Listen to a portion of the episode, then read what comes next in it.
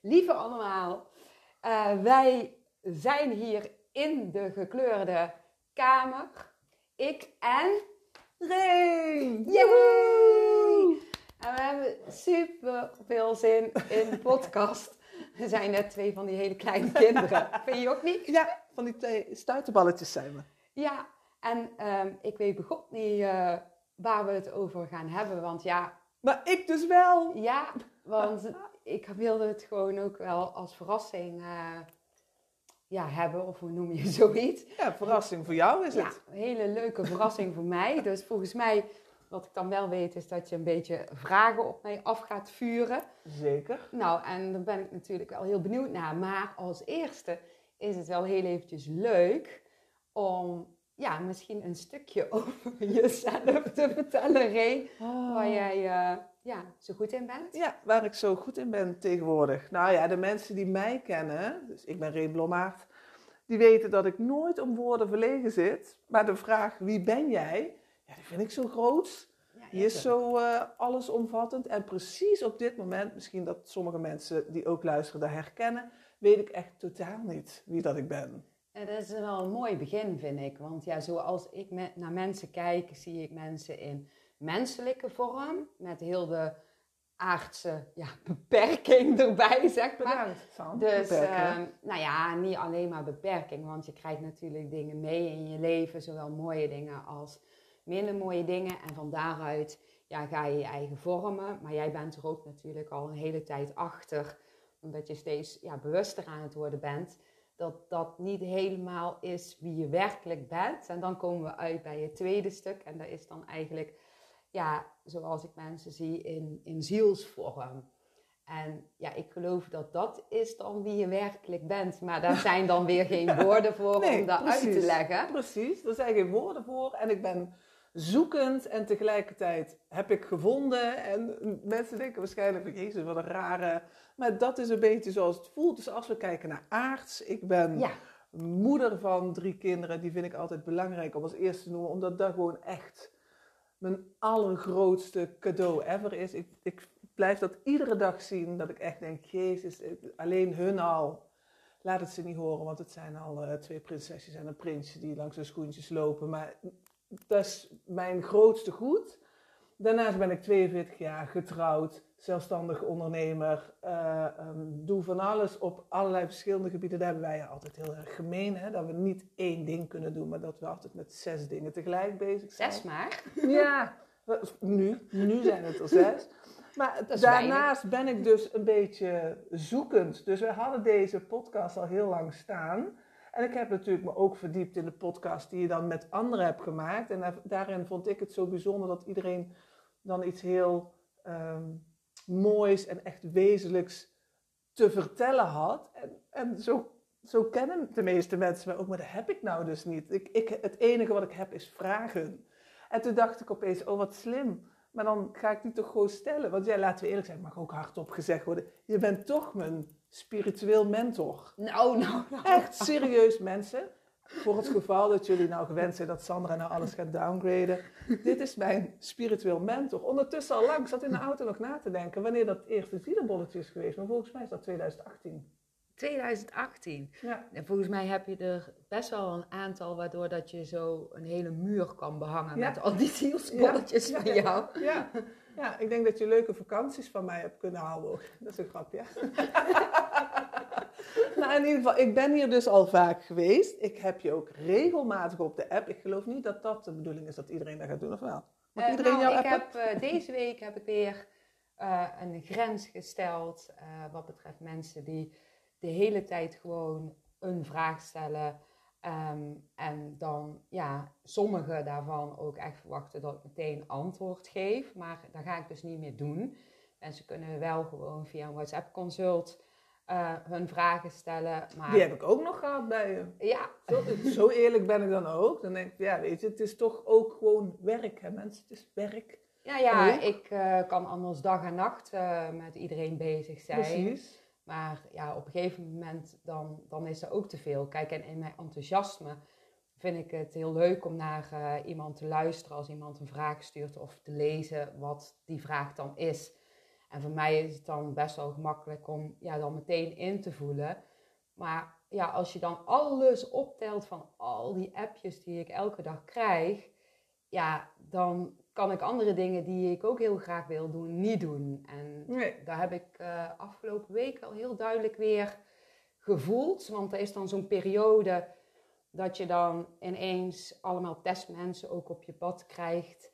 Eh, om weer heel even meer de balans te pakken. Daar is echt wel zo'n draad door mijn leven die elke keer terugkomt. Hè?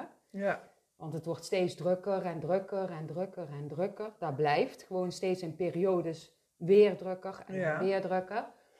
En dan blijf je elke keer opnieuw ja, de balans pakken. Dat is wel echt altijd mijn thema. En dan oh, vind ik maar dan... dat is ook voor iedereen leuk om te horen, dat gewoon jij ook thema's hebt. Oh, ik heb heel veel thema's. Ja. Maar laten we eerlijk zijn, je bent toch geneigd om iemand die dan iets al goed kan, om dan even dat iets gewoon zo groot, zo, zo globaal mogelijk te houden. Als iemand iets kan, ben je geneigd om te denken dat hij daar dus nooit meer problemen in heeft, of Jawel, nooit meer uitdagingen in heeft, Zeker. of nooit meer eh, eh, het niet weet.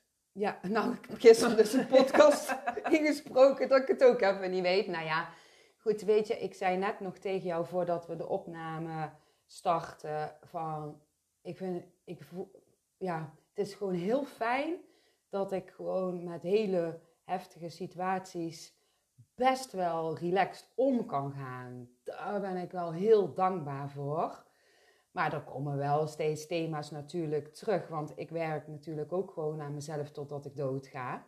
En eh, ik geloof dat dat bij iedereen zo is. Ook al lijkt het soms bij sommige ja, spirituele mensen of mensen die ehm, ja, werken met bewustwording en, en al wat daarmee te maken heeft.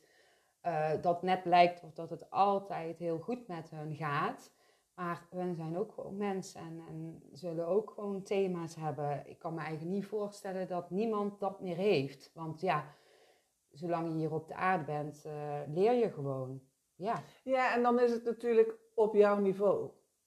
Eh, ja, ik denk dat het steeds ook een, een niveautje eh, ja, verder gaat. Hè? Dus ehm, als we het hebben over grenzen aangeven, als je dan kijkt naar mij en eh 30 jaar geleden of 20 jaar geleden, nou dan, dan kon ik daar gewoon echt helemaal niet. En steeds in fases leer ik daar ja, sterker in te worden. En je krijgt natuurlijk ook weer met ingewikkeldere processen Ja. te maken, waardoor dat je ja, dan steeds, ja, zou je kunnen spreken op een hoger niveau, dat pakt. ja. Maar als je dat dan weer hebt gedaan, dus dan is dat een fase, vaak als ik ehm, naar, weer naar een nieuwe fase ga, dus als ik eh, vanuit mijn intuïtie voel van, oh, ik wil nou weer een- naar allemaal hele nieuwe dingen en echt, dat voelt super gaaf, dan eh, krijg ik de testmensen op mijn pad, die dan eh, ja, mij uitdagen in de grens, zeg maar. Hè? Dus mijn grens opzoeken. Ja. En dat komt dan meestal in, in één week of twee weken. Duurt dat? Ja, dat, dat is bijna standaard altijd zo. Komt er dan ineens tegelijk op mijn pad. En dan tjak, tjak, tjak, tjak, tjak, tjak. Doe ik dat niet, dan word ik ziek. Nou, ik, een van de onderwerpen die ik aan wilde snijden, wel degelijk. Het, ziek worden als je dus je grenzen niet nastreeft. Maar laten we even, voordat we meteen alle kanten op gaan, heel eventjes een klein beetje context voor de mensen. Want ik dacht eerst bij mezelf, ik vuur gewoon alle vragen op je af. En ik kan me niet voorstellen dat al jouw luisteraars niet eh, eh, dat soort vragen gewoon ook hebben. Dus ik ben gewoon lekker hun spreekbuis, had ik besloten. Maar tegelijkertijd eh, had ik natuurlijk ook voor mezelf bedacht, ja, leuk als ik dan een keer niet zelf een heel eh, verhaal heb wat ik graag met de wereld wil delen. Dan eh, eh, wil ik dus graag heel, of hoe ga ik het doen? Ja, leren. Dat is het gewoon. Wil ik gewoon heel graag van jou leren. En laat het nou net zo zijn dat ik in de afgelopen weken, ik denk dat we kunnen zeggen maandje, echt het ene bizarre naar het andere bizarre meemaak. Maar omdat mensen mij niet kennen, hebben ze natuurlijk wel een klein beetje context nodig. Dus ik dacht, dat vertel ik heel kort. Ja. En dan zwiepen we daarna verder naar eh, het eh, pikken van your brain. Maar dat is Engels. hè. Je zei net tegen mij dat je niet kent. Maar dat is een uitspraak in het Engels dat ik jouw hersens een beetje leeg ga trekken. Nou, Dus Nou, Weet je nou, dat? Dan ben ik benieuwd. Ja, dan ben ik benieuwd. Dus Kom maar op. De context. Ik ben een paar jaar geleden dan voor het eerst bij jou geweest. Ik wist voor die tijd, eigenlijk van jongs af aan al, dat ik dingen anders oppik dan de mensen om me heen. Ik wil daarmee niet zeggen beter of, of slechter of wat ook, maar het was gewoon vooral heel erg anders. Ik wist heel veel dingen. Dus zonder dat iets aan mij verteld eh, was, wist ik al van, oh, die persoon die loopt daar en daar mee, of die persoon die heeft daar en daar last van. Een van de eh, meest spraakmakende voorbeelden die ik daarvan kan geven, is dat ik bij een, een- ik had een jeugdvriendinnetje, kwam ik jaren later, dus die had ik op de basisschool, en ergens ver in de middelbare school, kwam ik daar weer eens. Haar ouders waren ondertussen gescheiden, dus vroeger speelden we dan nog bij haar vader en moeder thuis. En nu eh, hadden we ergens anders afgesproken, omdat we gewoon al pubers waren. En toen eh, moesten we nog even iets ophalen bij haar moeder. Dus wij gaan naar dat huis, waar ik natuurlijk nog nooit geweest ben. En wij lopen daar eh, de hal in. En in die tijd, jongens, we hebben het over de jaren tachtig, toen kon alles nog. Was het heel normaal dat je gewoon met z'n allen naar boven banjerde, bij eh, mensen op de slaapkamer binnenliep of wat dan ook. Dat, weet je, alles was open. Je had, wij hadden ook in die buurt waar wij woonden geen slot op de deur. Dus je had gewoon een klink. Dus alles was, ah, joie de vivre, kom allemaal binnen. Nou, dat gingen we daar dus ook doen. En opeens zegt dat vriendinnetje tegen mij, ja, wacht jij hier maar even. En het enige wat door mijn hoofd schoot was, oh ja, tuurlijk, want dat is natuurlijk best een beetje gênant als je moeder in bed ligt met haar nieuwe vriendin.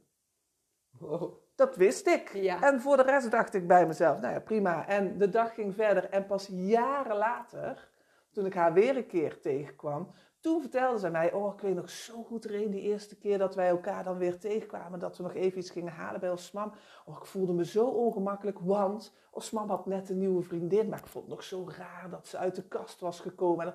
En ik dacht alleen maar bij mezelf, dat wist ik al. Dus dat soort typische dingen wist ik zonder dat mensen daarover gepraat hadden. Verder nooit ontwikkeld, nooit eh, eh, mee bezig geweest. Wel op de achtergrond, maar niet ehm, heel bewust. Totdat ik bij jou kwam, toen werd het natuurlijk steeds bewuster. We benoemden het samen ook altijd. En eh, jij had altijd in alle zielenbolletjes dus wel een paar, ja, hoe noem je dat, simpele tips waarmee ik dat dan een beetje kon verbeteren. Of het, het nog meer kon fine-tunen. Ook weer geen dingen waar ik dan echt een studie van heb gemaakt. Terwijl ik van hele rare dingen wel een studie eh, kan maken. Maar dit heb ik altijd een beetje gelaten. Nou, en dan komt het. Deze vakantie, want ik heb ook uit- trouwens altijd, moet, wil ik ook graag zeggen, misschien hebben andere mensen dat ook wel. Ik heb altijd gedacht dat je toch op zijn minst een bijna doodervaring gehad moet hebben om dan opeens dus een kanaal te worden. Of om opeens je gaven duidelijk te zien. Of opeens in de gaten te hebben van, oh ja, maar ik weet meer dan alleen maar mijn aardse lichaam. En ben ik altijd vanuit gegaan. Dus ik, ergens vond ik het ook een beetje spannend. Want dan dacht ik altijd bij mezelf, ja kak, als ik daar aan wil komen, moet ik dus eerst half dood liggen te gaan voordat ik dat soort dingen kan. Dat hoeft dus niet. Dat hoeft dus niet. Even voor alle duidelijkheid. Iedereen die luistert. Ben ik ondertussen dus ook een beetje achter, want wij zijn gewoon op vakantie gegaan. Het was enorm nodig, die vakantie. En vervolgens zijn we beland in een hel. Maar dan niet een hel, weet je wel, van oh, nou, alles ging kapot en gevaarlijk en ongeluk en weet. Nee, gewoon een hel op je zenuwstelsel. Want werkelijk waar alles wat we deden en overal waar we waren, was het een overprikkeling voor elke zenuw in mijn systeem.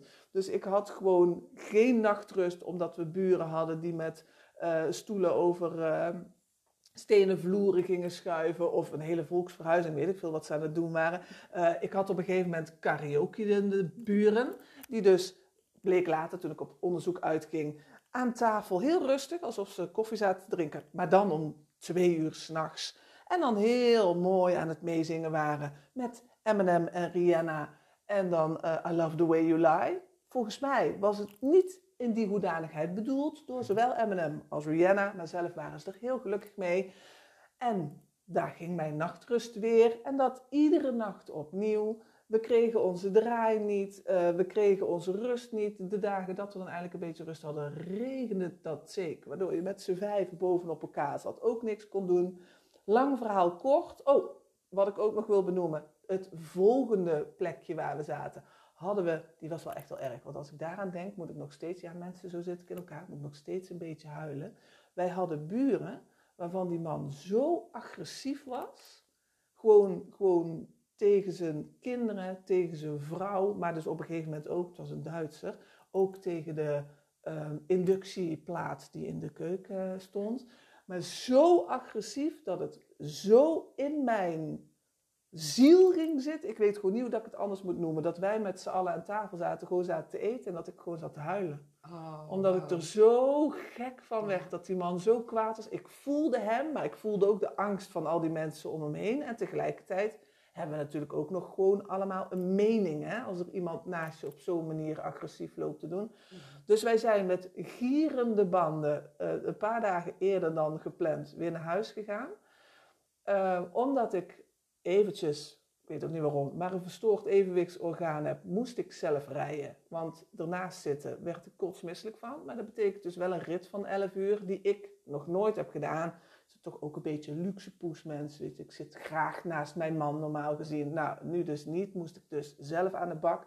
Op de Duitse snelweg is al heftig genoeg natuurlijk met al die racende gekken. En thuis niks anders dan nog gezeik. Want ik heb ook gewoon puberdochters. En die hadden drama en er moest nog van alles geregeld worden voordat die maandag dan weer op vakantie zouden gaan. Lang verhaal kort. Op maandag stortte ik in.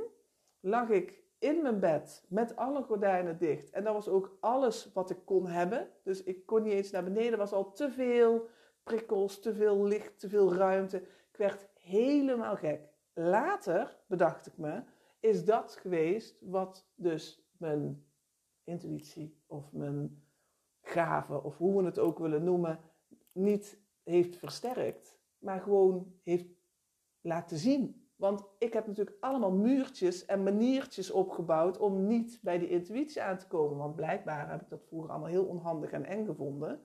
En als je zo overprikkeld bent, zijn al je reserves weg.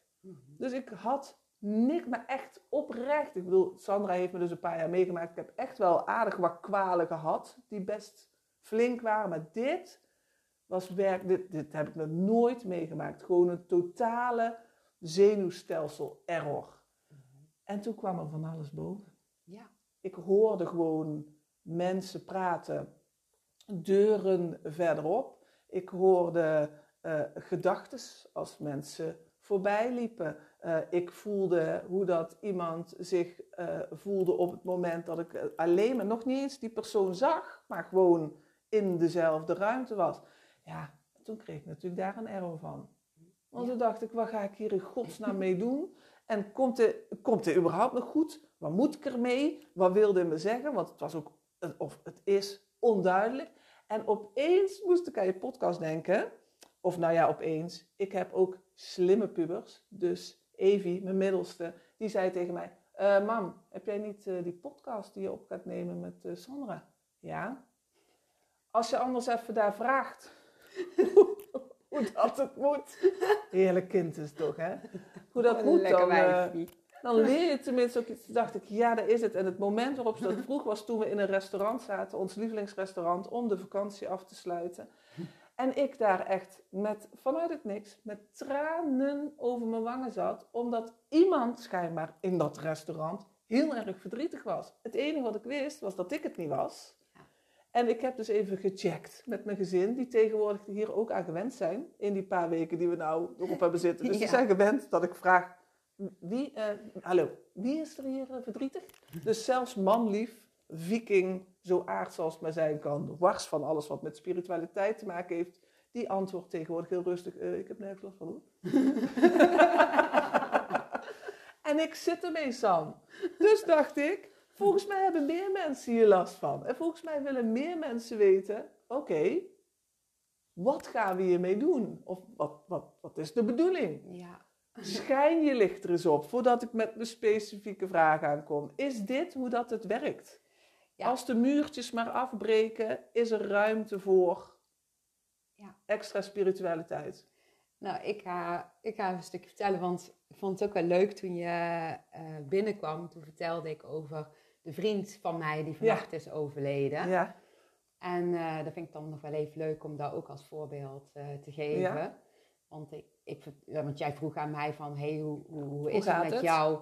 En eh, toen zei ik van ja, wow, ik, ik kom er zo achter dat ik eigenlijk zo gemakkelijk met eh, heftige situaties om kan gaan. Tenminste, situaties die aards heftig zijn.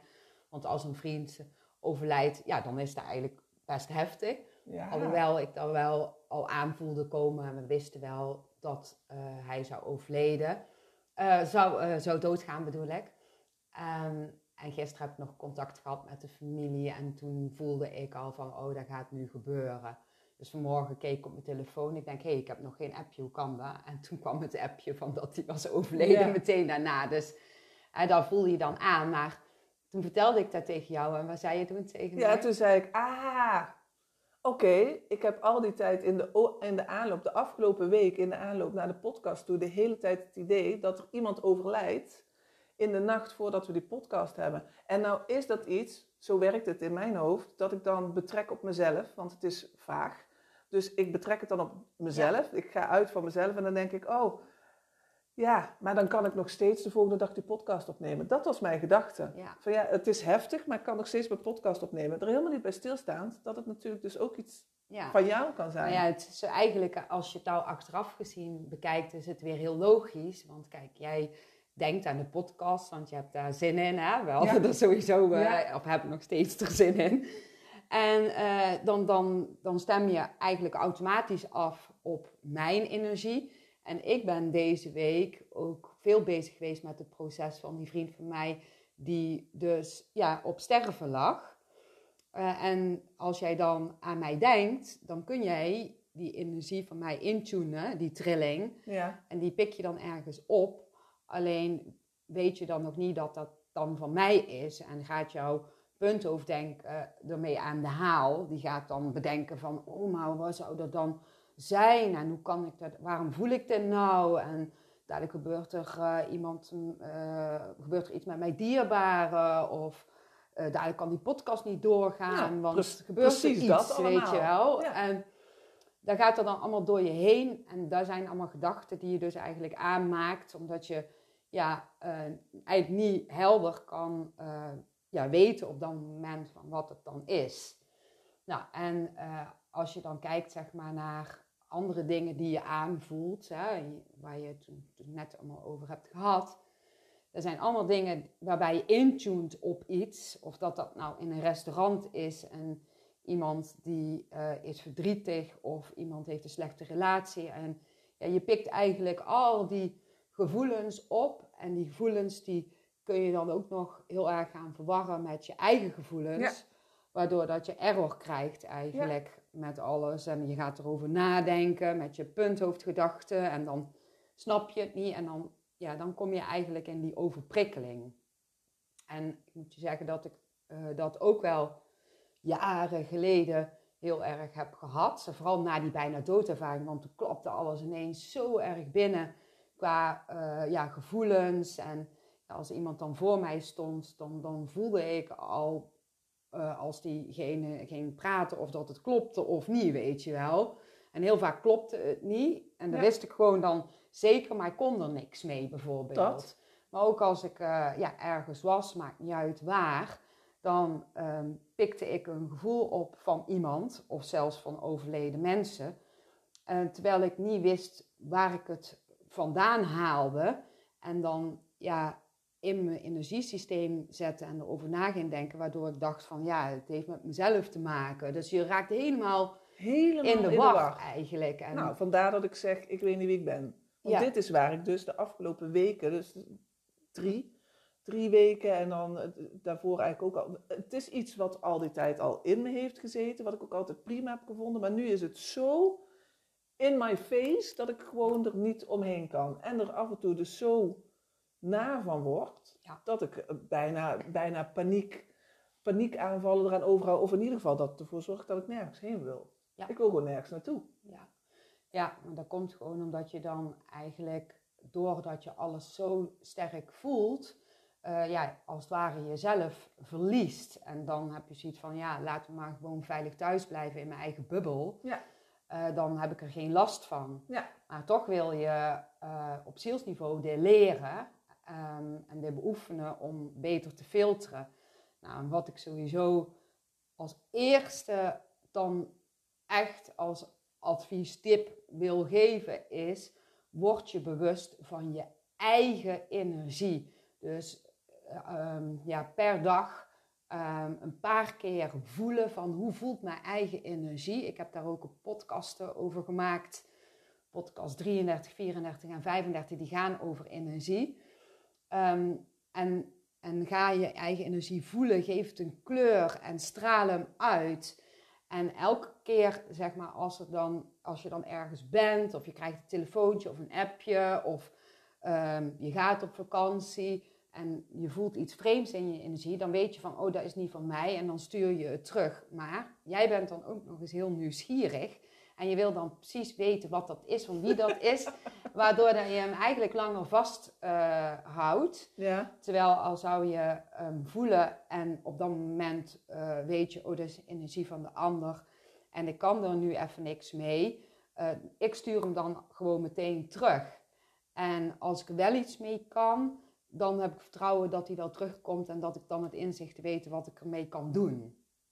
Begrijp je dat? Ja, ja. Um, ja, dus ik, ja, ik voel heel eventjes dat ik ook even naar een situatie uh, wil waarbij ik helemaal in de wacht uh, raakte. En dat is een hele heftige situatie. Oh ja, doe maar, want dus we kunnen er allemaal van leren. Want we hebben het nou eigenlijk over de energie van uh, levende mensen, dus de aardse energie eigenlijk die men uitstraalt. Maar je hebt natuurlijk ook energie vanuit het universum, dus bijvoorbeeld overleden mensen. Ja.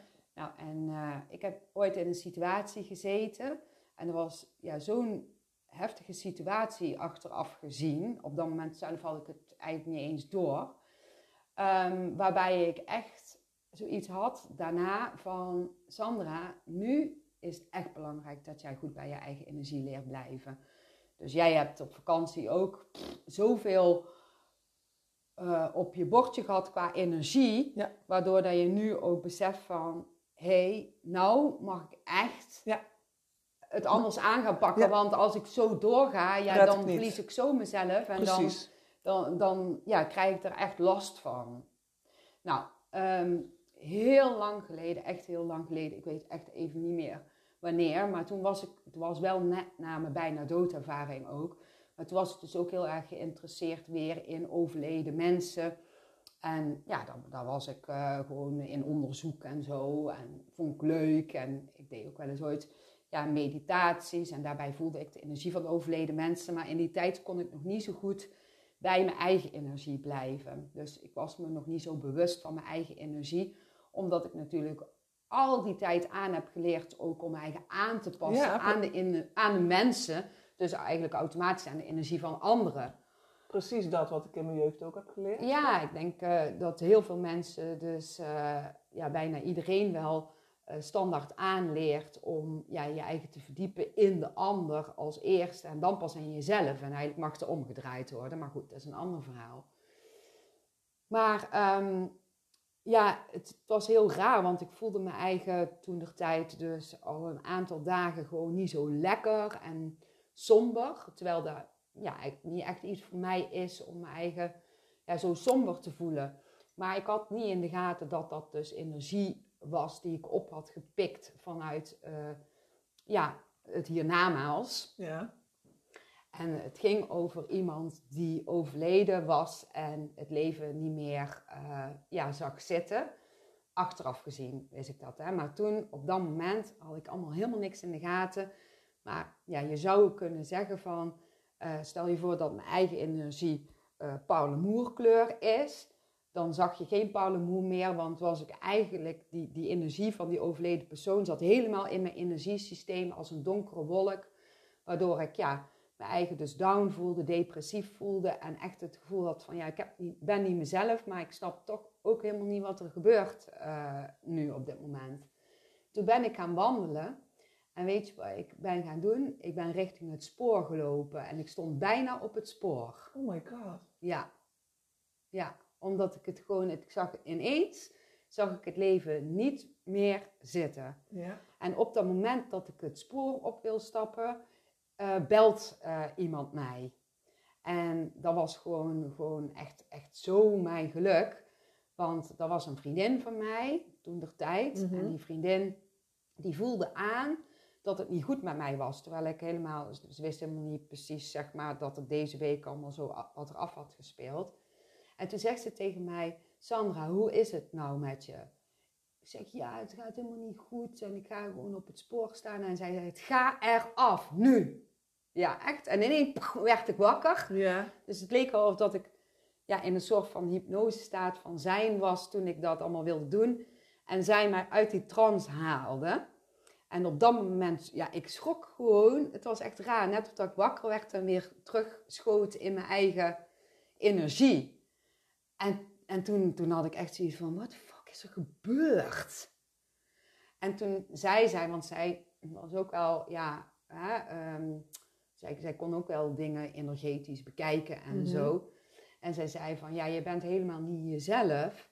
En het is echt belangrijk dat je weer teruggaat naar jezelf. Want ik voel gewoon dat, dat, dat het niet is wie jij, wie jij nu bent, zeg maar. Ja, snap je nog wat Ja, ik snap het helemaal. Nou, en toen ben ik ehm, terug naar huis toe gegaan.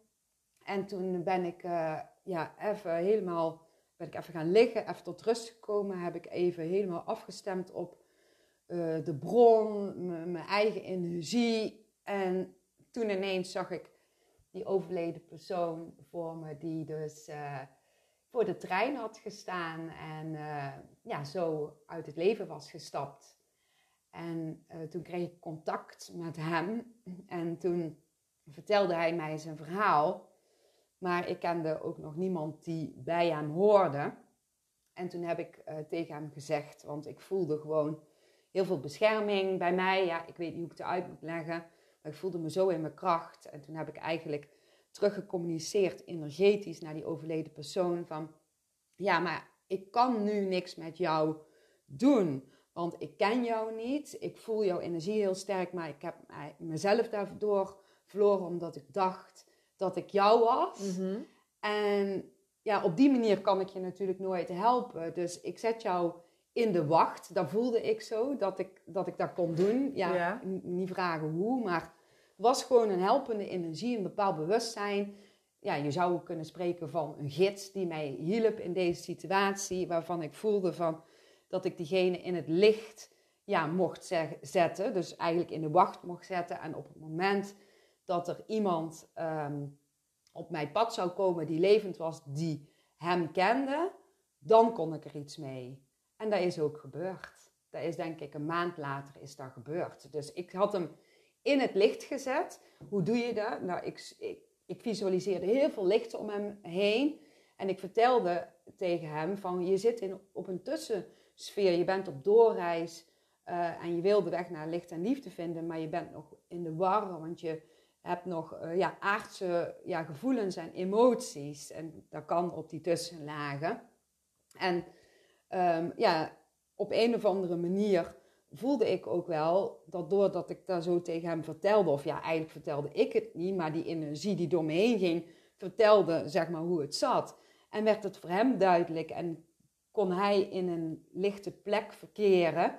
En ik had ehm, geen last meer van zijn energie. En op een moment, een maand later, toen die eh, familie van hem op mijn pad kwam, toen kreeg ik zijn energie weer te voelen. En toen kon ik eh, ja, op een hele heldere manier alles doorgeven wat hij nog wilde vertellen naar zijn eh, dierbaren toe. En uiteindelijk was dat zijn bedoeling. Zijn bedoeling was dat zijn verhaal doorgegeven kon worden naar zijn dierbaren. Ja, eigenlijk eh, voelde die onbewust ehm, dat ik hem heel goed, of misschien wel bewust, dat weet ik allemaal niet hoe dat daar dan zit. Maar hij voelde in ieder geval dat ik iets voor hem kon betekenen. En mijn ziel wilde dit leren, hoe dit allemaal zit, zeg maar, hè, met overleden mensen, goed leren tolken, terwijl je wel bij jezelf blijft. Daar was ik toen nog tijd ook heel erg mee bezig. En dit was weer een graadje, een niveautje hoger, zeg maar. Dat je altijd net iets te ver. je denkt van oké, Ja. ik verdrink nog net niet, maar hè? Ja, ja. Ja, de Ja. hele duidelijke manier van leren. Ik was toen de tijd was ik wel al heel veel bezig met mensen die gewoon al bij het licht waren en daarvoor dingen door te geven. En ja, dat was eigenlijk heel gemakkelijk, want die mensen die zijn dan ook alwetend die overleden zijn. En dat is allemaal gebaseerd vanuit heel veel licht en liefde. Maar als iemand zich in de tussensferen bevindt, dan uh, zit iemand nog in de aardse emotie of die hangt ergens nog uh, bij hem of haar, hè, bij de overleden persoon. En dat kan dus heel verwarrend zijn als je die uh, emoties allemaal oppikt. Ja. En vaak is het ook zo dat zo'n overleden persoon die nog echt aardgebonden is, um, heel erg in het stukje hangt, um, net de manier uh, ja, van sterven of de overgang van overlijden, dat dat de hele tijd bij hem of haar afspeelt om een bepaalde herinnering te krijgen wat er is gebeurd, maar daar niet helemaal bij kan komen. En toch dan ergens voelt van hé, hey, um, ja, in dit geval was ik het even van die persoon kan me helpen, of misschien wordt dat wel gestuurd door een bepaald bewustzijnsniveau, I don't know.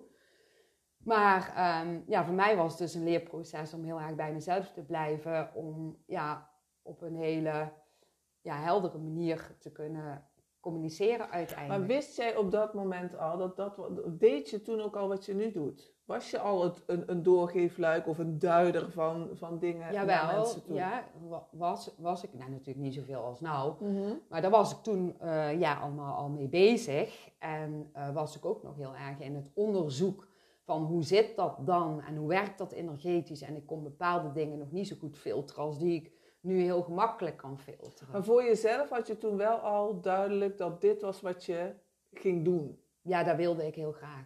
Ja, Oké, okay, maar die vind ik ook belangrijk. Dus ik hoor je zeggen, dat wilde ik heel graag. Ja. Maar ik heb altijd het gevoel dat iets heel graag willen dan niet per se ook helemaal 100% is zoals het gaat. Nou ja, het was echt een zielsverlangen. En in de bijna doodervaring had ik ook wel uh, gevoeld uh, dat ik hier iets mee zou gaan doen. Dus ja, dus het hoort er wel bij mijn zielsplanning. De... En geloof jij dat iedereen dat op die manier, weet je wel, dat iedereen op die manier een, een, een ik noem het even een doorgeefluik kan zijn, omdat dat dan het breedste is, want het, niet iedereen hoeft natuurlijk mensen op zo'n manier te helpen als dat jij het doet, maar die kunnen weer op, je, je hebt op allerlei verschillende niveaus dat Ja. je met die kennis andere mensen verder kan helpen. Kan volgens jou iedereen dat? Of is het toch wel degelijk iets wat bij je zielsplanning hoort? Nou, als je echt gaat doorgeven, gaat tolken, dan, is dan hoort dat ook echt bij je zielsplanning. Ik geloof wel dat iedereen uh, overleden mensen kan voelen, zowel onbewust als bewust. Maar in heel veel gevallen gaat het ja, onbewust. Dus uh, ja, ja, weet je, het ligt er ook maar net aan hoe bewust jij kan kijken naar iets. Want als jij bijvoorbeeld helemaal niet gelooft in het hiernamaals en uh, jij gelooft bijvoorbeeld um, uh, dat als je dood uh, bent, dan is er helemaal niks. Dus dat kan helemaal niet. Ja. Je kan helemaal niet met overleden mensen praten. Dan zul je dat ook niet op dat moment voelen of waarnemen. Nee. Nee, daar ben ik ook Maar En dan je- moet ik altijd denken aan, aan hoe dat jij uitlegt hoe dat het zit met de tomaatjes. Hè? Dus of dat je een groen tomaatje bent of een heel donkerrood tomaatje. Volgens mij zit het daar dan ook altijd een beetje in. Als jij een heel groen tomaatje bent, ben je helemaal niet bezig met hoe, eh, hoe dat het universum werkt. En of dat we eigenlijk allemaal vanuit dezelfde bron komen. Dan ben je gewoon bezig met wat er op je pad komt. En dat is helemaal oké. maar pas een paar tomaatjes later zul je dan, Ja, toch? ja. Even ja, over het tomatenverhaal. Wij kennen dat natuurlijk heel goed. Volgens mij heb je daar ook een podcast Ja, over. podcast 90. Nou, kijk, echt die nummers worden hier om je oren gegooid, Ja. jongens. Het is een soort Chinese bestelkaart. ik Is het. het wel een bingo zo. Gewoon kies het nummertje en je leert. Maar dat vind ik, ik vind het belangrijk dat ik had eigenlijk ook natuurlijk wel ingeschat dat het zo zou gaan. Dat mensen dan, als ze dus iets horen van ze denken, oh die snap ik nog niet helemaal. Dan heb je daar vast een podcast over, maar kunnen ze die luisteren? Niet lullig bedoeld, lieve mensen, maar dan kunnen we in ieder geval wel door. Ja. Want anders dan duurt deze podcast namelijk 87 uur, kan ik jullie vertellen. Ja. Met alles wat ik dan zo graag wil weten. Wat ik me gewoon afvraag is, als, je kent mij, voor de mensen die mij nog niet zo goed kennen, ik ben aan de ene kant een, een zweefteef eerste klas, geef mij geitenwolle sokken en echt, ik trek ze aan. en tegelijkertijd ben ik enorm van het eh, wetenschappelijke, de kennis. Hou op met lachen jij. jij ziet dat nou voor je.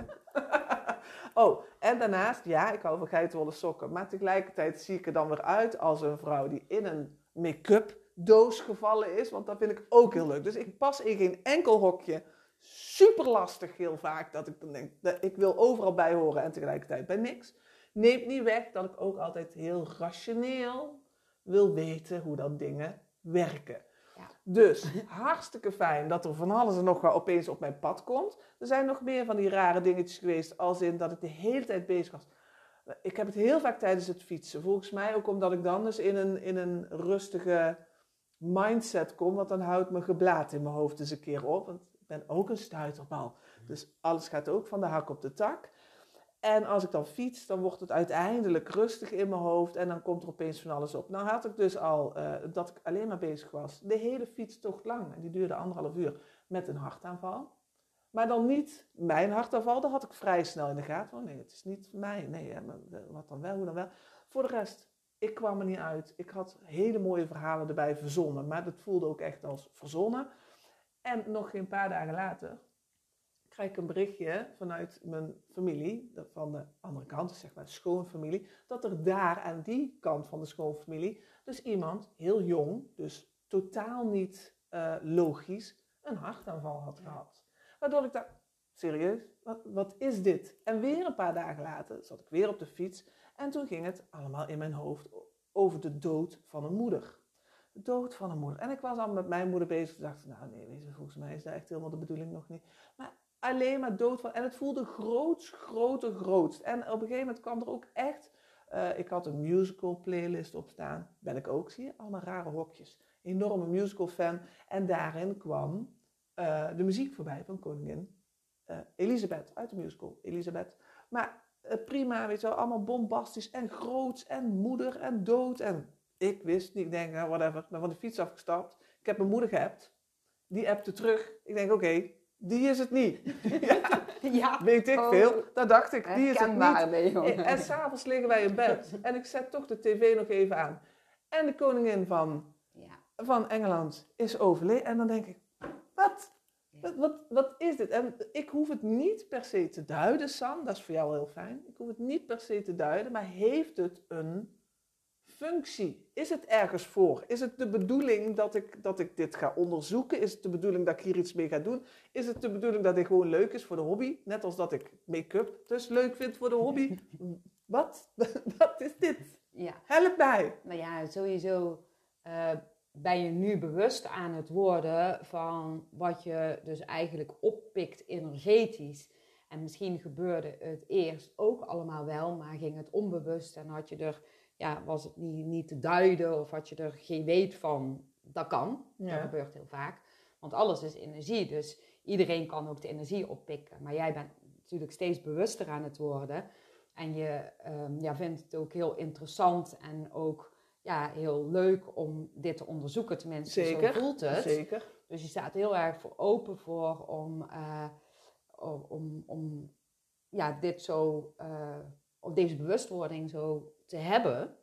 En ehm, ik heb het gevoel dat, je, dat, dat het dan ook wel eigenlijk duidelijk is dat je daar wel iets meer mee wil doen. Eh, zowel voor jezelf als wie weet ook voor anderen. Maar nu in eerste instantie voor jezelf, zodat je ja, leert om ja, dit te filteren, zeg maar. Dus dat je er bewust van wordt van, ja, ik voel dit. Ik hoef er niet altijd iets mee te doen. Ik mag leren om echt bij mezelf te blijven, in mijn eigen energie te blijven. En van daaruit de dingen te voelen, zodat ik er geen last meer van heb. Dat is eigenlijk stap 1 Ja, vooral die geen last. ja, stel je voor, zeg maar, dat je nu, hè, want dat doen ook eh, mensen, dat eh, ze meteen andere mensen daarmee allemaal willen helpen. En ehm, eh, dat ze ehm, niet bewust worden van hun eigen energie. Dan kan het dus ja, echt heel erg verwarrend worden en kun je er dus heel veel last van krijgen, waardoor dat je op een gegeven moment eh, in de meeste gevallen niet anders kan als weer terug te gaan naar jezelf. Ja. Ja, dus kijk, nu is het gewoon, hè, nu neem je ineens waar van wow, het is wel heel veel wat ik allemaal energetisch voel.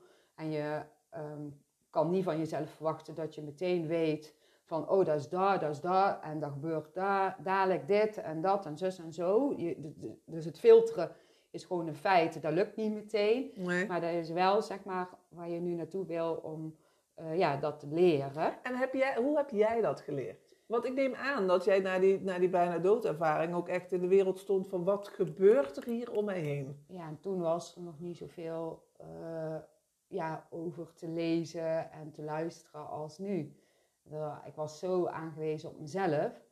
En... Dus jij hebt, het van, jij hebt het ook nog eens, want dat is natuurlijk wat, wat wij allemaal, ik denk de luisteraars ook doen. Als je iets wil begrijpen, dan pak je dus of een boek of Google of je zoekt er een documentaire over of wat dan ook. Maar 9 van de 10 keer zijn de dingen die helpen, juist de dingen die iemand heeft gedaan toen die bronnen er nog niet waren. Wat heb jij gedaan om jezelf, want dat is eigenlijk wat je uiteindelijk nodig hebt, jezelf te begrijpen. Want als jij dus jezelf begrijpt, begrijp je ook van, oh, maar dit is niet van mij en dan kun je dat duiden, maar dit is wel van mij en dan kan je dat duiden. Uiteindelijk is het, gaat het om jezelf kunnen lezen. Ja, en sowieso uh, als eerste heel veel keren op mijn bek gegaan.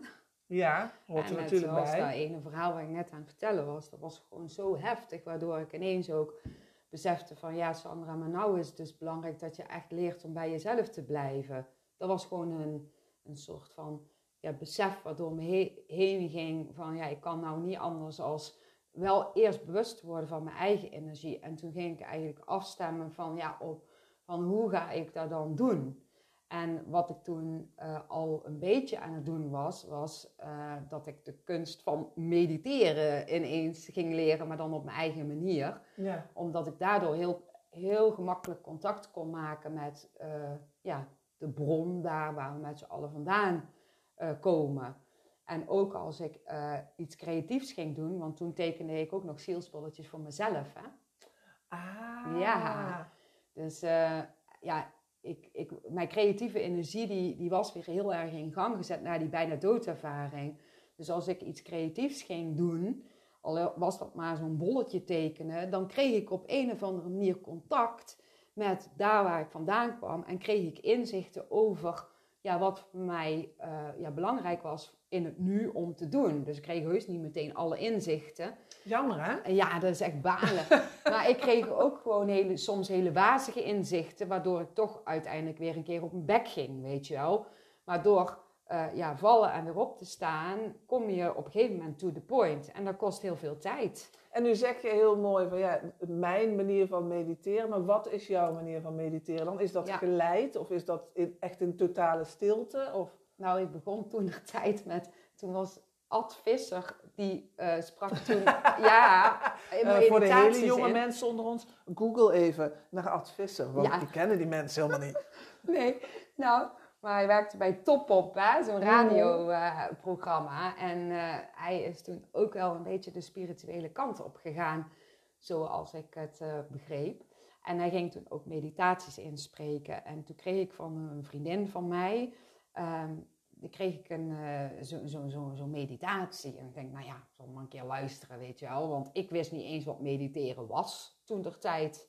Ja, dat, dat, wist ik eigenlijk helemaal niet. Nee, was ook helemaal niet zo bekend zoals nu natuurlijk, hè? Nee, ja, toen in ieder geval voor mij niet. Voor mij niet. Ik, ik wist het echt niet. En toen um, heb ik daarna geluisterd en toen ja, voelde ik daar wel heel veel rust van. Um, maar op een gegeven moment ja, paste die meditatie niet meer bij mij. En toen ging ik ja, gewoon uit het niets eigenlijk, dat ging vanzelf, ging ik op zoek naar hele mooie ja, muziek. Hele mooie klanken en ook ja, een beetje Keltische muziek. Mm Dat bracht mij gewoon naar een heel fijn gevoel. Dus ik voelde toen de tijd alsof ik ooit die soort muziek kende vanuit een vorig leven. En dat vorig leven zat ik heel goed in mijn energie of was ik ook heel erg met mijn intuïtie bezig. Dus ik ging helemaal terug naar dat fijne gevoel, hoe het was om ja, helemaal in mijn eigen ja, in, energie en in, uh, helemaal om intuïtie te, te kunnen varen. Heel apart was dat. En dan, want ik wil dan graag het plaatje zien. Hè? Dus dan ging je zitten eh, ik ging altijd liggen, want uh, ik was toen de tijd nog heel veel moe, omdat ik nog aan het, aan het herstellen was van mijn ziek zijn. En ging ik gewoon lekker liggen en dan ging ik gewoon alleen maar luisteren naar die muziek. En dan kwam er ook heel veel los. Soms dan moest ik ook ja, echt huilen, dan kwamen gewoon tranen die, die kwamen. En ik wist helemaal niet waar, waar ze vandaan kwamen, maar ik was ja, op een of andere manier als ik dan naar achteraf bekijk, ja, echt aan, het hele oude pijn aan het inlossen en alles. En dat stond ook weer in verbinding met van alles en nog wat. En toen op een gegeven moment, toen, ja, ik, ik herkende die energie helemaal van buiten of zo. Ja, ik weet niet, het ging allemaal zo, ja, ik weet niet of ik dat moet vertellen, maar het stukje hele was grotendeels rustig, zeg maar. En toen voelde ik die eenheid met die bron heel erg sterk. En dat licht van die bijna doodervaring zag ik uh, voor me. En um, van daaruit ging ik gewoon alleen maar naar die muziek dus luisteren. Dat ging eigenlijk vanzelf. En ging ik gewoon voelen wat ik voelde. En van daaruit kwamen er dingen. En mijn derde oog, zeg maar, die was toen ook heel sterk aan het ontwikkelen. En zag ik uh, beelden, fragmenten, symbolen, kleuren, getallen, van alles en nog wat. En het kostte heel veel tijd om eigenlijk die uh, taal van het innerlijk zien, hè, dus mhm. door je derde oog de dingen zien en het innerlijk voelen, om die te leren begrijpen. Dat heeft mij jaren gekost en nog steeds, want daar, gaat, daar leer je en ontwikkel je ook steeds uh, verder in, uh, ben ik in de leer. Ja, logisch. En dan lag je niet drie minuten dus, want dan kom je daar niet aan. Nou, Ehm, nee, ik, ik, ging altijd als de kindjes weer terug naar school gingen, na het middageten. Dan nam ik die tijd voor mezelf, totdat ik ze weer ging ophalen van school. Dus ik had, ik denk, ja, twee uur of zo de tijd voor mezelf. En dan ging ik heus niet twee uur mediteren, maar ik ging gewoon uh, ja, lekker liggen. Ik zette daar muziekje op. En soms viel ik ook zelfs in slaap. En dan werd ik wel weer op tijd wakker. Mhm. Eh, maar dan gebeurden er onbewust dingen met mij. Zo voelde het. Want dan zat ik weer helemaal fijn in mijn energie als ik weer wakker werd. Want ik had die rust ook nog wel nodig. Maar als ik dan niet in slaap viel, ja, dan, dan voelde ik van alles. De ene keer duurde dat uh, eh, 20 minuten, de andere keer een kwartier, soms een uur soms anderhalf uur. Ik gaf daar geen tijd aan. En die ruimte had je ook onder geen tijd. Die nam ik. Ja, daar die nam ik, in, hè? Die nam ik echt. Ik kon niet anders dan die te nemen. Sowieso had ik rust nodig, lichamelijke rust ja. en ook innerlijke rust. En ik wist als ik die rust niet zou nemen, dat het dan niet goed met me ging. Dus ik kon niet anders als die rust te nemen. Ja. Want als ik die rust niet nam, heb ik ook gedaan. Ja. Ja, dan, dan kon ik niks meer doen. Dan kon nee, ik, dat was je, ik zo, dat je zo ziek. Stopt. Ja, dan stopte mijn lichaam. Ja. Kon ik niks meer doen. Dus ik werd eigenlijk gedwongen, dat is me goed ook, want ik ben hardleers. Maar ik werd gedwongen om die rust te nemen. Zowel lichamelijk ja, ik, als Nou ja, zoals jij weet, ik heb meerdere dingen gehad waardoor ik dan echt even lam gelegd leg. Ik ben hetzelfde als jij, enorm hard leers. Dus ik heb ook echt zo'n mokerslag nodig, wil ik dan onderhand eens een keer denken, oké, oké, ik geef op. Ik ge of vooral, ik geef me over. Maar bij deze, bij, na deze vakantie was het dus echt zo dat het, dat, uh, wederom een mokerslag natuurlijk, want ik kon niks. Ik kon niks hebben, ik kon niks doen. Ik kon, het was echt een kokonnetje waar ik in zat. En stapje voor stapje uit de kokon. Dus eerst was het mijn slaapkamer en dat was echt groot genoeg. Toen werd het dan, mijn huiskamer kon er dan bij, maar wel met alle gordijnen nog dicht. Maar ik kon stapje voor stapje pas weer prikkels erbij krijgen. Maar wat ik merk is als ik daar dus nu te rap weer overheen ga. Wat ik dan natuurlijk uh, mijn punthoofddenken vind dat ik dan moet doen. Hè? Zo van, ja jongens, uh, uh, we zijn alweer twee weken verder. Mensen vragen aan mij, ook zoiets. Mensen vragen aan mij, ben je alweer aan het werk? Wat, wat ga je doen? En ik ben natuurlijk even uit, ik ben uit loondienst gegaan voor de grote vakantie. Dat was ook niet mijn ding, hè. Het was een tussendoorstapje, maar toch. Ik ben uit mijn loondienst gegaan. Had ik ook uh, weer opnieuw op kunnen zoeken. Wilde ik niet. Ik wil toch dat zelfstandig ondernemerschap. Maar ja, laten we eerlijk zijn. Aards gezien um, moet ik over twee maanden, max, echt weer geld gaan verdienen. Want ja, we hebben gewoon ook uh, kinderen, een huis, een hypotheek en noem maar op. En daar denk ik aan de ene kant aan. Maar vooral de mensen om me heen denken daar ook aan. Dus ik krijg ook constant de vraag, ben je alweer uh, aan de gang? En wat ben je aan het doen? En, en dan denk ik bij mezelf, oeh ja, ik moet aan de gang ik moet eh, wat doen. Ja, over twee maanden heb ik geld nodig en ik weet nog helemaal niet wat. En, terwijl mijn lichaam dus nog steeds zegt, rustig aan hè. Ja. Stapje voor stapje. Eh, als je vandaag dus nou, dit met jou hebt gedaan, dan kom ik sterk thuis en dan is mijn wereld echt weer even groot genoeg geweest. Dan doe ik gewoon weer mijn eigen holletje. En dat vind ik aan de ene kant oké. Aan de andere kant denk ik dan ook, zal wel mijn punt overdenken zijn hoor, maar uh, en nu? Hoe lang gaat dit duren? Uh, wat, doe ik hieraan? Dus dat ik mijn grenzen moet bewaken, waar we het op het begin al over hadden, dat is overduidelijk. En dat ik echt nieuwsgierig naar ben en iets mee wil, is bij deze dan natuurlijk ook even vastgesteld. Hè? Maar voor alle mensen die van jou willen leren, die er echt zijn, denk ik. Ik denk echt dat mensen daarom naar jouw podcast luisteren. En uiteraard vooral heel erg voor mezelf. Hoe nu verder? Wat, wat, wat ga ik met deze inzichten of gevoelens van andere mensen, wat ga ik ermee doen, Sam? Ga, ga ik dat nou dan gewoon aanschouwen? Weet je dat ik het bekijk met hoe dat gebeurt? Of, of is er iets waarvan jij zegt van ja, maar als je het zo doet, kun je het extra, um, uh, extra verduidelijken voor jezelf? Hoe nu verder? Wat kan ik doen? Ja. Ja, sowieso is het dus belangrijk, hè, wat ik net, of ja, in het begin eigenlijk ook al van de podcast zei, dat je eerst echt goed bewust gaat worden ook van je eigen energie. Dus hè, dat je meerdere malen per dag jezelf de vraag stelt van, hey, hoe voelt mijn energie? Dus als je bijvoorbeeld ochtends opstaat, de ene uh, ochtend is natuurlijk wel anders, voel je anders als, als, als de andere keer, maar hoe meer dat jij teruggaat naar jezelf, naar hoe jij je eigen voelt, en dat bijvoorbeeld een kleur geeft en die kleur door je heen laat gaan en goed uitstraalt, zodat je jezelf wat meer neerzet, uh, hoe bewuster je wordt van je eigen energie. En als dan de energie van de ander uh, voelbaar is, dan merk je ook heel duidelijk van ja, hé, hey, dat, dat, is niet van mij, want ik voelde me net, uh, voelde ik mij zo. Ja. En nou ineens voel ik mij zo en dat voelt heel anders. Daardoor is het zo belangrijk dat je bewust wordt van je eigen energie, zodat je weet dat uh, de energie die je oppikt, hè, dus stel je voor, uh, je hebt het gevoel van, hé, hey, het, het, voelt alsof uh, ik een hartaanval krijg, dat dat dan niet van jou is. Snap je? Dat ja. je dat weet. Dat is in ieder geval super belangrijk.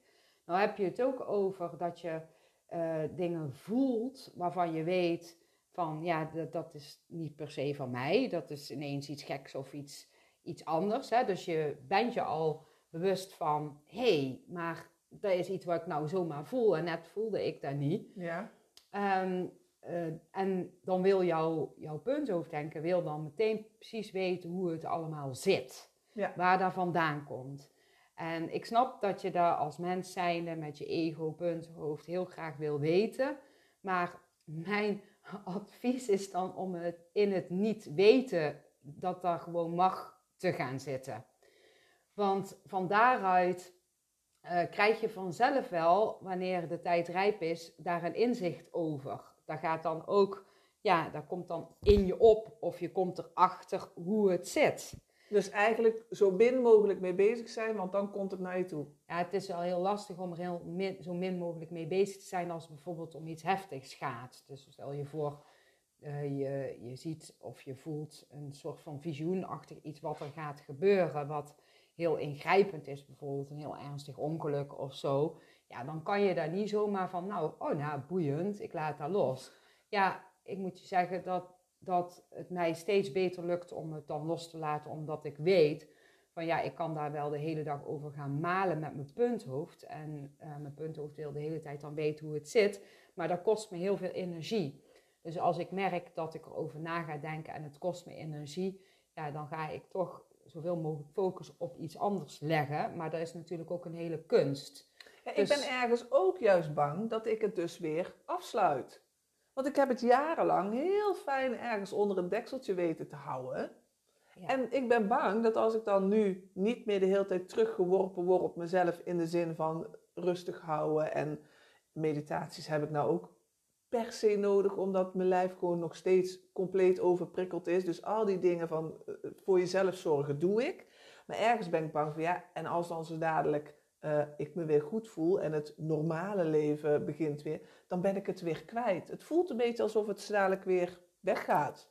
Ja, dat kan. Kan met fases ook weer heel even wegdrukken, wegtrekken, zeg maar. Uh, maar ik geloof niet dat, dat je het helemaal kwijtraakt, omdat ik ook wel voel dat je ja, gewoon hier jezelf in echt wil gaan ontwikkelen. Maar de ene fase um, um, krijg je meer dingen te voelen, of neem je meer dingen waar als de andere fase. Dus zo heb je ineens een hele maand dat je echt superveel voelt. Dat je gewoon zoiets hebt van wow, dat is echt gewoon zoveel. En dan ineens kun je een paar weken hebben, of, of misschien een paar maanden of een paar dagen. Dat is altijd verschillend. Dat je daar even gewoon niet mee bezig bent en niet zo voelt. En dat is ook wel goed voor de balans. Maar het is niet zo, zeg maar, dat het dan helemaal dicht schiet bij jou. Omdat je gewoon ja, heel graag het wil onderzoeken. Dat is in ieder geval heel erg voelbaar. Wat je ook kunt doen als je bijvoorbeeld, ehm, ja, uh, net zoals hè, dat jij voelde dat uh, er iemand uh, ging, dood zou gaan. Hè? En Ja. dat had dan dus eigenlijk met mij te maken, want hè, die, die vriend van mij is van, vannacht dan overleden. Nou, jij wist dat dus niet. Dan, en jij voelt dat. Hè? En, en dan gaat jouw punthoofd zeggen van, ja, waar is dat? Hoe kan dat? Bla, bla, bla, bla, bla, bla. Maar dat je dan even bijvoorbeeld in een rustig moment, hè, nou, jij vindt het dan heel fijn om te mediteren, maar misschien jij die nu luistert, uh, heeft zoiets van, ja, ik kan echt niet mediteren, heb ik helemaal geen zin in. Hoeft ook helemaal niet. Maar dat je bijvoorbeeld even lekker gaat zitten of even de natuur in gaat. En dat je heel even naar dat gevoel gaat, hè, van, hé, hey, gaat er iemand dood. En dat je uh, vraagt eigenlijk aan ja, de bron, daar waar jij vandaan komt. Dus kan ook zijn aan, aan jouw gidsen of jouw innerlijke zelf, of hoe je het ook wil noemen, uh, om inzichten. En je kunt gewoon, gewoon vragen van, kan ik hier inzichten over krijgen, zodat het verhelderd wordt. En dan kun je even stil zijn, even naar binnen gaan, even rustig ademhalen en even voelen of dat je iets voelt of doorkrijgt. Als dat het geval is, dan is dat leuk. Dat is fijn. Hè? Ja. En um, als dat niet het geval is, dat je dan ook gewoon tegen jezelf zegt helemaal oké. Okay. En dan is het nu niet van toepassing dat ik daar informatie over krijg, maar dan mag ik leren om hiermee om te gaan. Ah, dus gewoon eigenlijk veel simpeler dan dat mijn punthoofd denkt. Ja, ja, zeker. Jouw punthoofd die is heel erg bang, tenminste zoals ik het voel. Uh, van ja, als ik nou daar niks mee doe, dan gaat het dadelijk weg, krijg ik het nooit meer terug. En dat wil ik ook niet. Dus ik moet per se weten hoe het gaat. Ja, zoiets. Ja. Toch? Oh, yes, ja. Je kan hem vrij goed nadoen. Ja. Ja. En dan, dan zegt hij ook nog, ook nog, dus zeg maar tegen Sandra dat ze nu wel hele goede adviezen moet geven, Ja. want anders ga ik hier niet weg. En concreet, Ja. concrete adviezen. Wat moet ik nu doen? En lukt dat dan in drie dagen? Ja, Weet je? drie Maar dagen, eh, drie uur. ja, eigenlijk wilde ik hier weggaan en dan alles weten. Ik heb nog één klein vraagje die ik nog even verhelderd wil hebben. Maar ik heb zo het idee dat we hier echt nog een keer op terug moeten komen. Want ik kan me voorstellen... Ik had namelijk een heel lijstje met vragen. Maar da- da- dan zitten we hier uren. Dus misschien als jij het ook leuk vindt... dat we er dan toch nog eentje maken. Ja, zeker. binnenkort een keer. Maar mijn kleine vraagje is nog wel... ehm, als je dus zo overprikkeld bent... en of dat je nou wel of niet van alles doorkrijgt... gewoon puur al dat overprikkelende... wat ervoor zorgt, tenminste in mijn geval... dat ik dan weer eh, of ziek... of eh, nou, mijn darmen, die gaan echt alle kanten op... qua gewoon echt pijn hebben en zo, hè.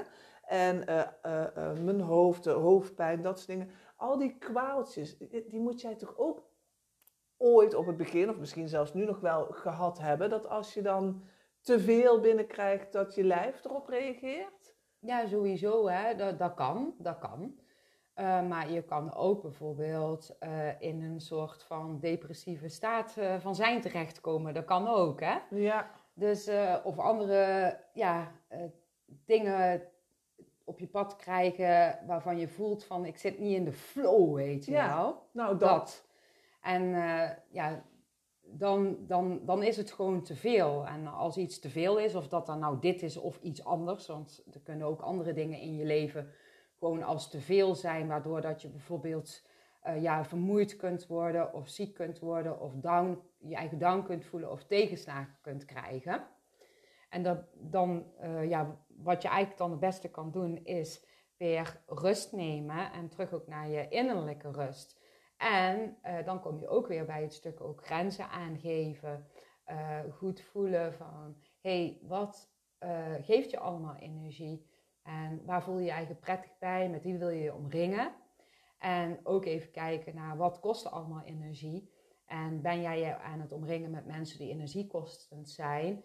Ja, ga begrenzen, ga duidelijk zijn en kies uh, voor jezelf. Ga dingen doen waar jij, waar jij je batterijtje van oplaadt.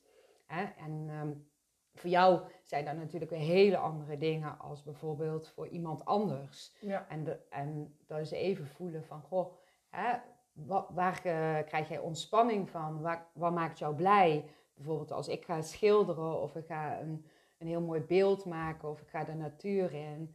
Uh, ja, of, of soms vind ik het gewoon leuk om de muur te behangen. Heb ik laatst gedaan. Echt super vet gaaf. Maar dat vind ik dan heel erg leuk. En daar krijg ik dan gewoon een heel blij, fijn, innerlijk rustgevoel van. En uh, dat houdt mij dan in balans. En voor al die mensen die dus uh, in zijn uh, rationele denken zitten, in loondienst zitten van 9 tot 5 en al meteen nu lopen te roepen tegen die telefoon.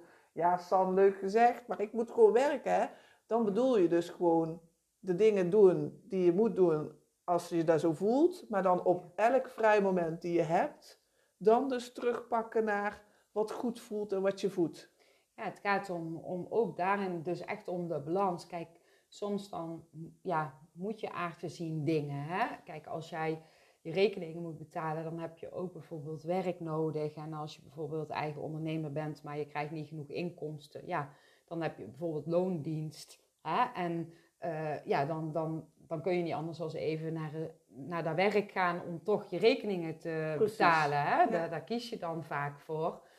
Dan is het natuurlijk wel handig, zeg maar, om uh, uh, als jij eigenlijk helemaal niet in loondienst wil, om wel daarnaast te kijken, bijvoorbeeld van hoe kan ik mijn eigen onderneming verder opstarten, zodat ik daar ook inkomsten uit kan halen. En je zei van, ja, is het dan nodig om elk vrij moment om dan uh, ja, iets te doen voor mezelf waarbij ik batterij oplaad? Dat is wel weer een beetje overdreven gezegd, want dan leg je er ook weer een beetje een druk op vanuit het ego van, oh, ik ben nu vrij, dus ik moet nu. Ja, ja en dat voelt weer niet fijn. Nee, het is gewoon daarmee spelen eigenlijk. Dus gewoon op een speelse manier van, hé, hey, jij voelt zelf en iedereen voelt daarvan, oh, ik heb nu eigenlijk echt super veel zin om te gaan schilderen. He, dat voel je intuïtief, maar jouw punthoofddenken die zegt van nee, want heb jij die was gezien? Of um, je moet nog administratie doen en er is nog dit en dat en dat en zus en zo. En dan ga je toch niet schilderen terwijl je voelt dat je wil schilderen. En als je voelt dat je wil schilderen, ga dan gewoon al eens maar een half uurtje schilderen. En dan ga je daarna die administratie doen. Ja, dat. Dat je het gewoon even voor laat gaan. Ja, dat zou wel prettig zijn, zeg maar, in zo'n situatie. Als jij uh, ja, best wel last hebt van overprikkeling. Om dan um, de dingen waar je energie van krijgt, om die voorrang te geven. Het is eigenlijk, ja, je, je, je zou het zo kunnen zien van je energie is, um, is, is heel belangrijk. Want als je geen energie hebt, dan kun je niet in beweging komen met dat dat je wil. Nee. Dat is hetzelfde als een autootje. Als die benzine op is, dan doet hij het ook niet meer. En dan is het nodig om weer te tanken. Ja. En als je niet gaat tanken, ja, dan doet die auto het gewoon niet. Punt. Nee, en dus, dus echt wel gewoon liever zijn voor jezelf ook. Ja, en uh, ja, zeker uh, niet te streng zijn voor jezelf, maar het punthoofd is heel erg streng. Want die heeft natuurlijk meegekregen van... Uh, hey, Reen, hup, je moet nu gaan werken, je moet nu iets doen. je kan niet zomaar even niks, ja. bijvoorbeeld. Ja. Dat is wat je ja, van huis uit misschien... of van de omgeving waar je in op bent gegroeid... Ja, mee hebt gekregen, waardoor dat uh, je punthoofd tegen jou zegt van... hé, hey, je kan niet nou niks, ze schiet dus op, dus die jaagt jou op. Die geeft een druk. Ja. Waardoor dat je ja, um, in sommige gevallen misschien niet helemaal to the point komt... met wat je werkelijk diep van binnenin voelt. En dat gewoon steeds aan de kant zet. En ja, je punthoofd gaat volgen. Ja, helemaal waar. Helemaal waar. Dat gebeurt bij heel veel mensen. Ja, klopt. En als ik uh, daar niet bewust uh, van zou zijn, dan zou dat ook met mij gebeuren. En soms gebeurt het mij nog wel eens dat mijn punthoofd zo verrekkers geraffineerd is om mij om te praten. Nou, dan geef ik hem gewoon zelfs applaus voor. Want vind ik zo knap dat hij zo geraffineerd spel met mij gaat spelen dan. En dan moet ik dan wel heel erg om lachen, terwijl ik dus uh, jaren geleden daar heel boos om kon zijn op mezelf. Dus dat is dan weer mijn punthoofd, die daar dan weer boos om is. Ja, ja er zitten dan een paar punthoofden bovenop elkaar. Nou, eigenlijk is het dan wel hetzelfde punthoofd. Maar de ene keer zegt hij dit en de andere keer zegt hij dat. Ja. Nou Sam, ik ben wel echt heel blij met alle informatie die ik nou... Ik moet het ook allemaal weer helemaal verwerken, maar ik ben echt zo dankbaar weer. Oh, wat lief. Ja, ik heb het gevoel dat ik eigenlijk helemaal niet zoveel heb gedaan of ja, zo. echt maar... wel, echt wel. Ik denk dat je daar ook beaamd gaat krijgen. Mensen stuur Sandra allemaal een berichtje. Nee, dat hoeft niet. nou heb ik nog één vraagje, want we nemen deze uh, podcast een beetje simultaan op. Want ik heb ook een podcast. En ik ga hem op mijn uh, socials ook plaatsen. Maar in mijn podcast, ik ben nog helemaal niet zo lang bezig, maar in mijn vorige podcast heb ik, ben ik bezig geweest over een advies wat je wil geven aan je jongeren zelf. En nu dat we dan toch gaan afsluiten, wil ik toch eigenlijk wel ook graag even afsluiten met of dat jij wil zeggen wat jij dan aan jouw jongeren zelf, even out of the blue, want je hebt er niet over na kunnen denken. Maar in mijn podcast ging het dus over wat je nu weet, wat je eigenlijk graag dus op je 16e of 17e of 13e had willen weten. En wat zou je dan dus nu tegen je jongeren zelf zeggen? In mijn geval was dat heel sterk mijn 16-jarige zelf. Maar als je dan denkt aan de jonge Sandra, dus ergens in je tienerjaren, en die zie je bezig, wat zou je tegen haar zeggen? Ja, ik uh, heb jouw podcast geluisterd, vond hem heel mooi. En ik heb toen ook uh, eens even gevoeld van wat kwam er allemaal binnen. Ik heb daar jou toen ook nog geappt. Ik weet ook niet meer precies wat ik allemaal heb geappt, maar ik ging wel even terug in de tijd als toen ik 16 was. En toen zat ik wel echt in een horrortijd hoor. Want oh, ja, dat was echt heel erg heftig waar ik toen in zat. En ik weet nog dat ik daar gewoon totaal geen vertrouwen had en vol vol, vol, vol angsten zat en nog helemaal in verwarring was um, van alles. Want ik geloofde dus alles wat mijn punthoofd tegen me zei. En omdat je in hele heftige situaties, uh, ja, toen in die tijd verkeerde ik in hele heftige situaties, ja, was het gewoon echt gewoon zo. Ik zat zo vol angst en, en s'nachts kon ik niet eens, eens slapen. Ik kwam helemaal ja, niet tot rust. Uh, toen was net ook uh, mijn moeder heel ernstig ziek geworden. En wij dachten dat ze ja, dood zou gaan. Ik had uh, net dat seksueel misbruik achter de rug. Ik zat in een... Oh, had jij die ook op je zestiende? Nee, die had ik tot mijn twaalfde. Oh, ik op mijn zestiende. Lekker ook weer deze. Zullen we daar ook ooit een podcast over maken? Daar ben ik nog niet aan toe. Jij? Nou ja, nou ja in ieder geval. Ik heb daar wel ook een podcast over gemaakt. Maar dat weet ik niet uit mijn hoofd welke daar, daar is over de seksueel misbruik. Maar ik heb dat toen heel lang verzwegen, waardoor ik, uh, in twee jaar heb ik dat verzwegen, waardoor ik, toen ik 16 was, was ik daar nog steeds eigenlijk mee bezig. Ik ben toen ook een periode, bijna een jaar, mijn stem uh, helemaal, helemaal weg. Gewoon oh. van alle emoties. Ja, hoe symbolisch is die, geen stem hebben? Ja, ja dat was echt uh, heel symbolisch, ja. ja. Maar ja, als ik dan terug ga, en ik zou dan dat kinddeel in mezelf ja, even heel liefdevol toe willen spreken. Dan zou ik gewoon, ja, ja, ik vond het heel moeilijk om een concreet woorden aan te geven. Ik weet niet of jij mijn appje nog hebt die ik heb ja, gestuurd. Of dat jij daarbij kan. dat ik hem heel mooi vond. Even kijken of dat ik daarbij dat vind Ik, wel, ik zou, zou het zonde vinden als ik het nu gewoon maar één ding zeg. Want ik had echt heel veel verschillende dingen die ik wilde zeggen. En ik had... Oh, ik kan erbij, jongens. Ik kan erbij, ja. Oh. Ja, hij is echt heel mooi. Dus Sandra schreef... Al het verdriet, angst gaat veranderen in liefde.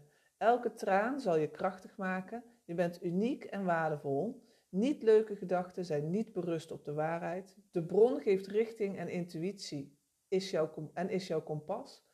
Alles wat energie kost, mag je in liefde loslaten. Alles waar je energie van krijgt, brengt je naar je leuke zielsdoelen. Het aardse niet leuke hoort bij het leven. en zal jou zoveel inzichten geven dat je er uiteindelijk dankbaar voor kunt zijn. Eh, en je gaat het omzetten in liefde en kracht. Creëer wat je intuïtief, intuïtief voelt.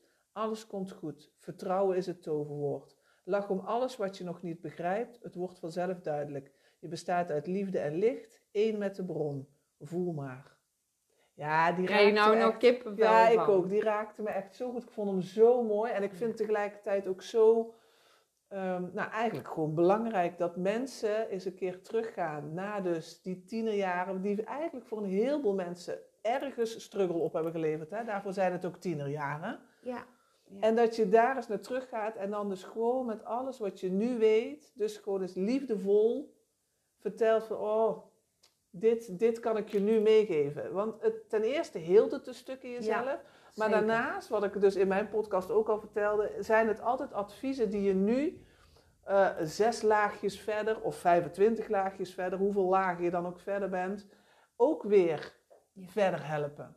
Ik vond het een mooi, ik vond het een mooi iets. En die van jou was wel degelijk eh, ja, prachtig. Ik denk dat iedereen daar eh, alleen maar dank voor kan uitspreken. Ja, ja, als ik dan nou gewoon, hè, even zonder wat ik al, al had gevoeld, zeg maar, van het weekend. Want van het weekend had ik er even tijd voor genomen om daar eens even goed eh, op in te voelen. En toen had ik het meteen ook opgeschreven en naar jou toegestuurd. Want dat vond ik wel leuk om te delen. Daar vroeg je ook om, Ja. hè. Ja, zeker. En ehm, ja, nu, zo- als ik nu dat meisjes voor me zie van toen, dan zou ik haar gewoon zo'n dikke knuffel willen geven. En die knuffel die straalt alleen maar vertrouwen uit van alles komt goed. Ja. Oh ja, dat, dat krijg nou nog tranen Ja, van in mijn ogen ook, als ik maar dat je- voel. Want oh, dat was zo heftig, jongen. Zo'n heftige tijd.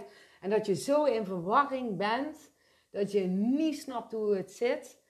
En dat nu alles gewoon zo, zo helder en zo duidelijk is. Maar Ja. ook die verwarring en dat ik het allemaal niet wist, was op zielsniveau ook nodig om, om daar doorheen te gaan. En eh, ja, de- achteraf gezien dan op dat Mhm. moment snap je dat ook allemaal niet. Maar ik kan me wel heel erg voorstellen dat jongeren die nu ja, hè, ook in die, die, die puberteit zitten en gewoon helemaal van de wap zijn en gewoon niet meer begrijpen wat er aan de hand is. En echt denken, dat komt nooit meer goed. Want ik dacht er ook. Ik dacht denk, ook. dat kan Ja. nooit meer goed Nee, komen. dacht ik ook, was ik heilig van overtuigd. Ja, en daar was ik dus de hele tijd ook mee bezig in mijn hoofd. Ja. Van, ik was een oplossing aan het zoeken. Terwijl ik op dat moment, ik kreeg geen oplossing. Het werd van kwaad tot erger.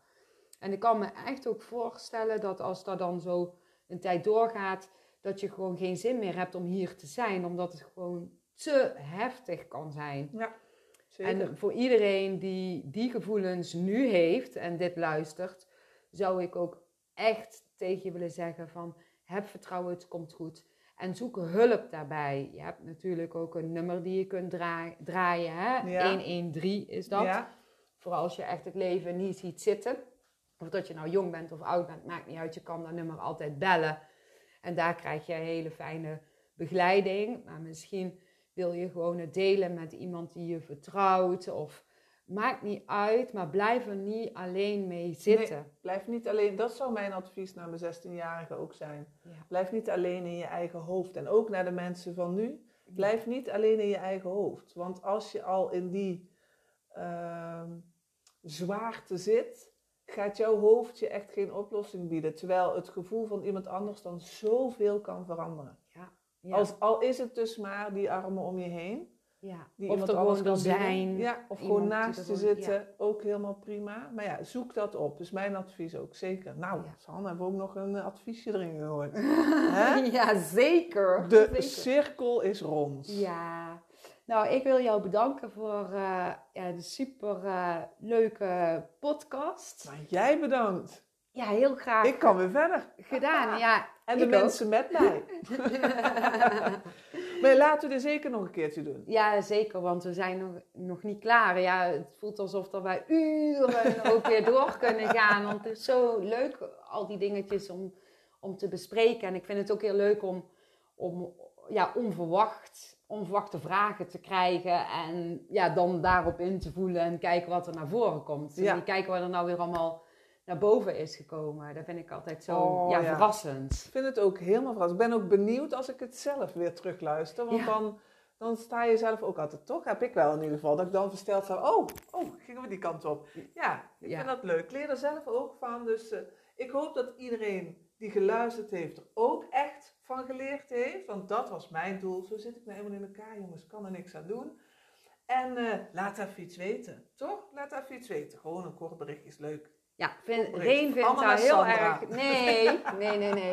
Nee, ik vind het heel ik vind leuk het wel hoor. leuk om reacties Ik te vind, krijgen. het, ja, ik vind het ook heel leuk om, om reacties eh, te krijgen. Maar ik kan tegenwoordig niet altijd meer alle reacties eh, ja, beantwoorden. Want dat is gewoon te veel. Eh, lieve Sandra, ik vroeg niet stel maar een vraag. Ik zei alleen, ge- geef even reactie. Dat is leuk. Dus je hoeft alleen te lezen.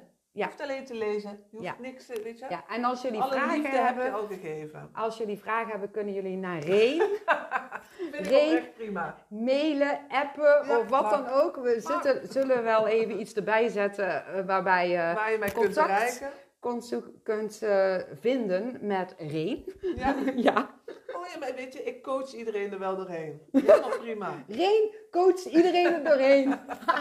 Nou jongens, dat is de afsluiter. Ja. Fijne dag allemaal. ja, tot de volgende keer. Doei, doei. doei. doei.